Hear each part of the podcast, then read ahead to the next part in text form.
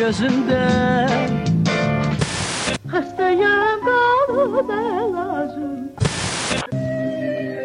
Özünə məxsus hekayələr, unudulmaz ifalar, əvəz olunmaz səslər, ahəngdə. Sənsiz dağ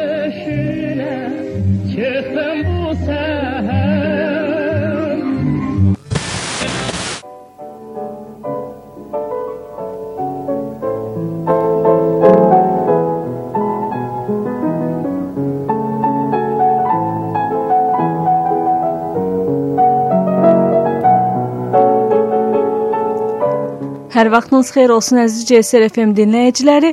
Ahəng verilişi efirdədir. Mikrofon arxasında isə sizinlə mənəm, Əsli Axundova.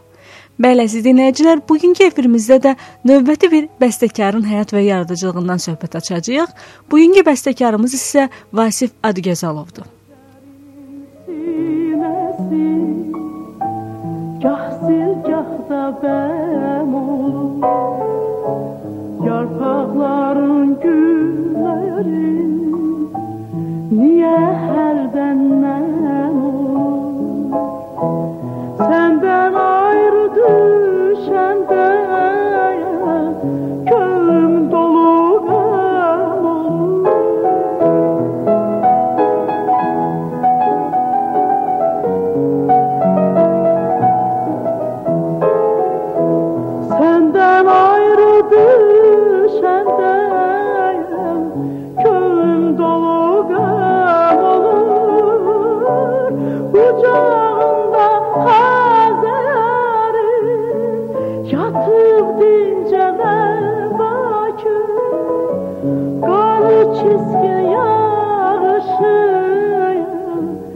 ayrı köy.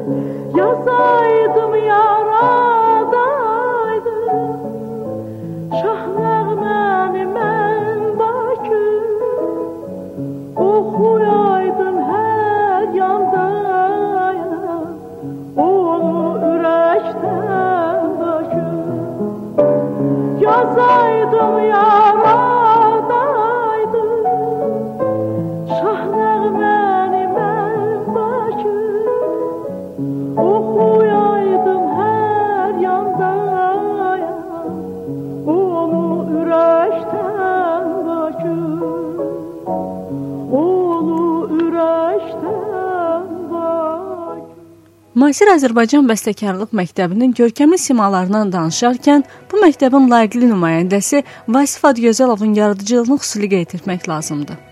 Vasif Adgözalovun yaradıcılığını vaxtilə Qara Qarayevin müasir bəstəkarlar haqqında dedikləri sözləri ilə xarakterizə etmək olar. Əgər sənətkar öz dövrünün ideyaları və hissləri ilə yaşayırsa və əgər onları öz dövrünün vasitələri ilə əks etdirmək üçün dəqiq və doğru forma tapırsa, bu novatorluqdur. Biz hamımız vasitələr axtarırıq. Bunlar adi və qeyri-adi ola bilər. Lakin hazırda hamısı yalnız və yalnız fikri ifadə etmək üçün lazımdır.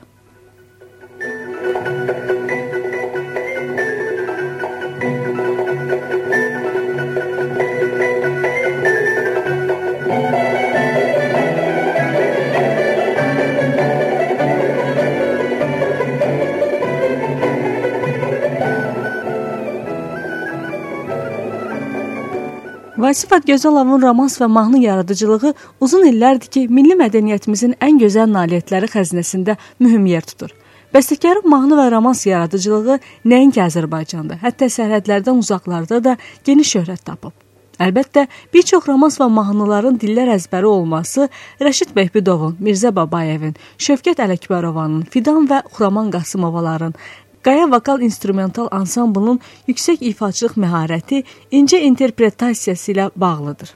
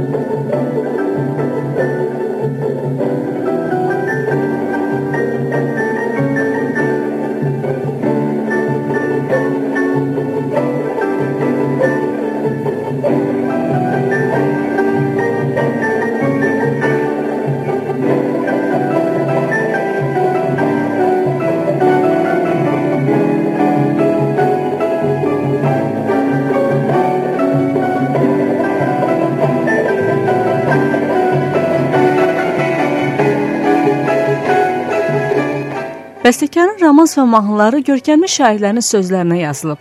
Rəsul Rızanın sözlərinə 7 Çınar, Natəvanın sözlərinə Qərənfil, Kürçaylının sözlərinə bəstələnmiş Ay olmaq istəyirəm əsərləri dediklərimizə nümunədir. Özünün romans və mahnı yaradıcılığında bəstəkar müxtəlif nəsillərin, üslub və yaradıcılıq istiqamətlərinin şairlərinə müraciət edir. Bununla bağlı bəstəkar öz musiqisində hər bir poetik üsluba uyğun musiqi obrazını tapmağa cəhd göstərir. Música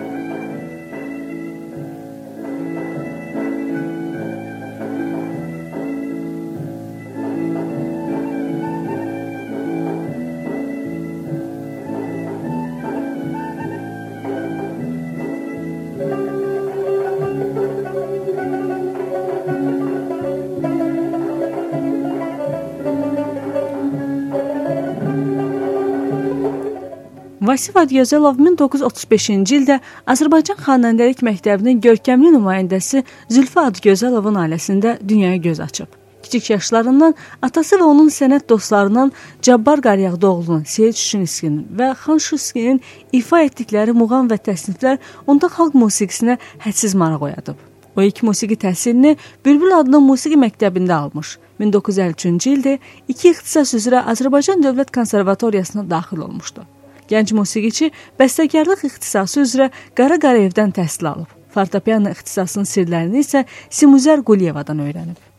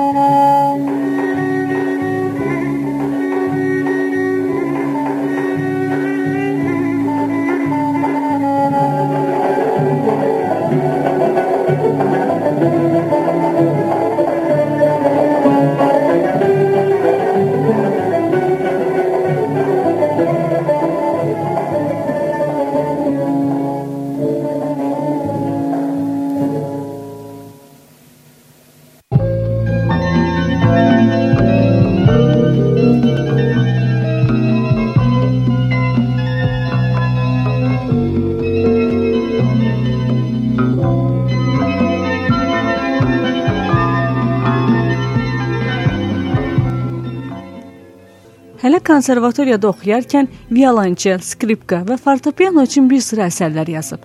Tələbəlik illərində yazdığı Qəhrəmanlıq adlı simfonik poeması gənclərin və tələbələrin Moskvada keçirilən festivalında birinci dərəcəli diploma layiq görülüb.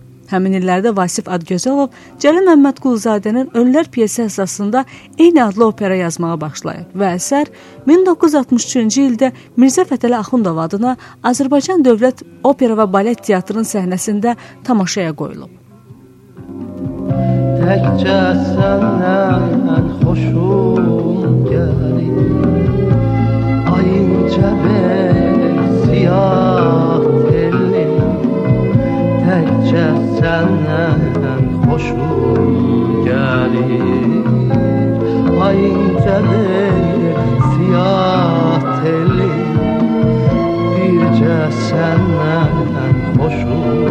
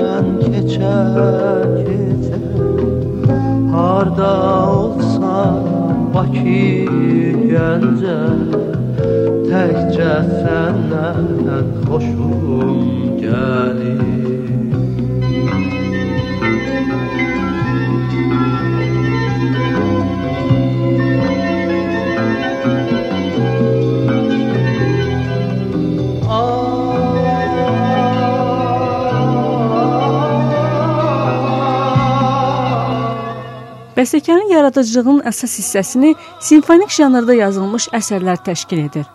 Onun daha bir operası isə Xurşidbay Natəvanın 170 illik yubileyinə həsr olunan Natəvan operasıdır. Bəstəkarın Xurşidbani Natəvanın sözlərinə yazdığı qərənfil əsəri instrumental solo ifaçılığında ən çox müraciət olunan əsərdir. Vasif Adgözəlov 4 simfoniyanın, 6 instrumental konsertin, 5 musiqili komediyanın, Segah simfonik muğamın və 4 oratoriyanın müəllifidir. Vasif Ədgözəlovun xalq musiqi nümunələrindən yüksək bəstəkarlıq bacarağı ilə yararlanmış məzmunca milli, vətənpərvər ruhda olan əsərləri musiqi fondumuzun ən qiymətli nümunələridir. Müəllifin Odlar yurdu, Qarabağ şikəstəsi, Çanaqqala, Qəm kərvanı oratoriyaları da məhz bu ruhda yazılmış əsərlərdəndir. Düşmüşük, mən yanıram, o yanımır. Gəl, gəl, gəl, gəl, dinim imanım naz, naz. Gəl, gəl, gəl, gəl, qaşı kamanım naz, naz. Gecəni dan eyləmə, zülfünü yan eyləmə, zülfünü yan eyləmə. Gecəni dan eyləmə, zülfünü yan eyləmə, zülfünü yan eyləmə. Gəlişinə mən qurban, könlümü qan eyləmə. Gəlişinə mən qurban, könlümü qan eyləmə.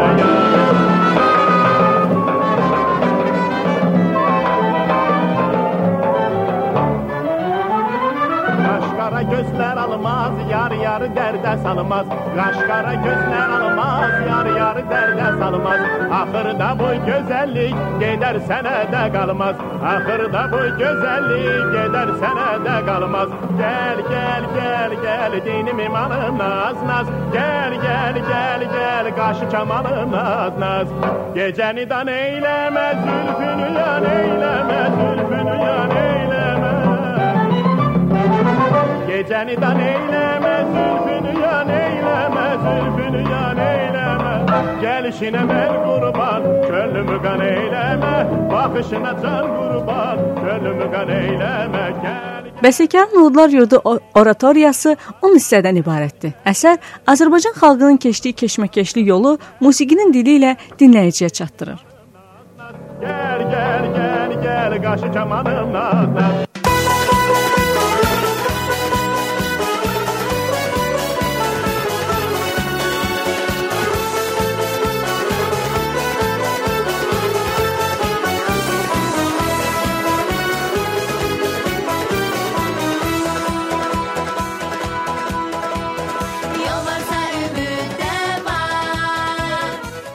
Qarabağ şikəstəsi oratoriyasında qələbə, qətiyyət və inam ifadə edilir. Bu əsər daim insanları düşündürən, həyəcanlandıran bir yaradıcılıq nümunəsidir.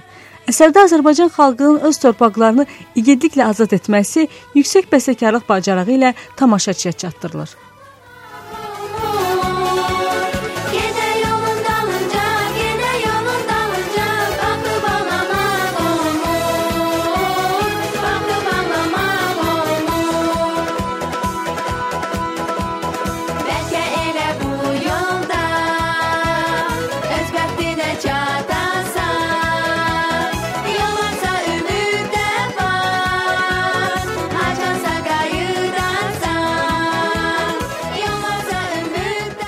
Çanaqqala oratoriyasını Vasif Adgözəlov yaradıcılığın zirvəsi saymaq olar. 1915-ci ildə Türkiyədə baş verən tarixi hadisəyə həsr edilmiş bu əsər Atatürkün xarici ölkələrin istilaçılarına qarşı mübarizəsindən və onun rəhbərliyi ilə müstəqil Türkiyə Respublikası yaradılmasından bəhs edilir.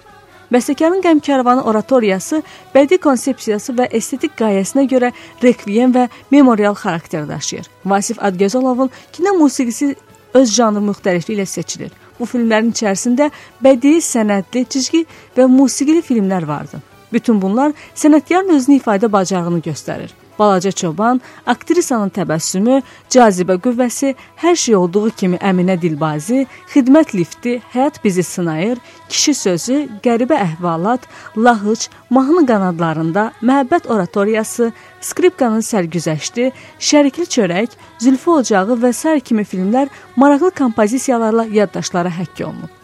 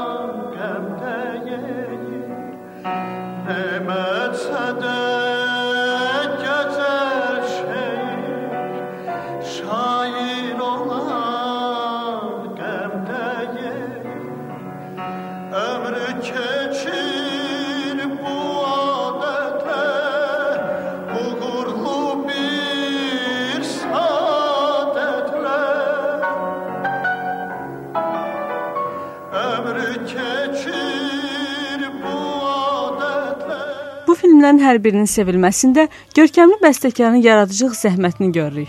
Kinoşanslar hər bir filmin uğurlu olmasında musiqinin rolunu yüksək qiymətləndirirlər. Xüsusilə uşaqlar üçün çəkilmiş Balaca Çoban, Skripkanın sərgüzəşti, Şərikli çörək filmlərinin melodiyaları insanı vəcdə gətirir. Hamımızın dəfələrlə baxdığımız Şərikli çörək filmində uşaqların yaşadıkları çətin həyatı öz musiqisi ilə ifadə edən Vasif Adgözəlov insanı düşündürə bilir. Vasif Adgözəlovun mahnıları bu gün də sevilə-sevilə ifa olunur. Bəstəkarın Bakı, təkcə səndən xoşum gəlir. Mən gəzirəm hər yanı. Gözəlim neyləsin? Şuşam, Qərənfil, Naz-naz, unutdu məni, şairinə tez qocaldın və başqa mahnıları hər kəsin sevdiyi nəğmələrdir. Bəstəkarın sözlərinə musiqi yazdığı şairlər də çoxdur. Şair, şair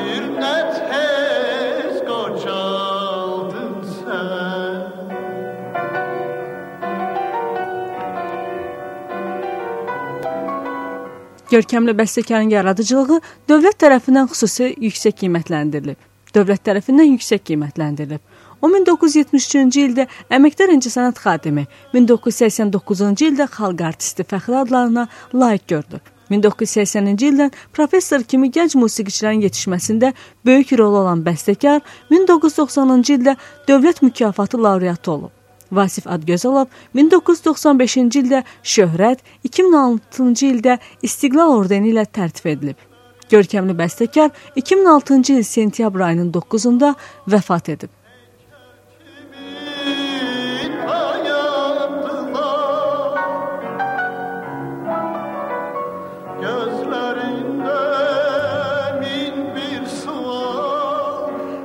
Adgözəlovlar nəsli Azərbaycan musiqisinə Zülfü Adgözəlov, Vasif Adgözəlov, Rauf Adgözəlov kimi görkəmli simalar bəxş edib. Bu gün bəstəkarın oğlu Yalçın Adgözəlov bu nəslin yolunu layiqincə davam etdirir. Vasif Adgözəlov Qara Qarayev məktəbinin parlaq getirmələrindən biridir. Öz yaradıcılığında bəstəkar bütün janrlara müraciət etmiş, gözəl və orijinal əsərlər yaratmışdı.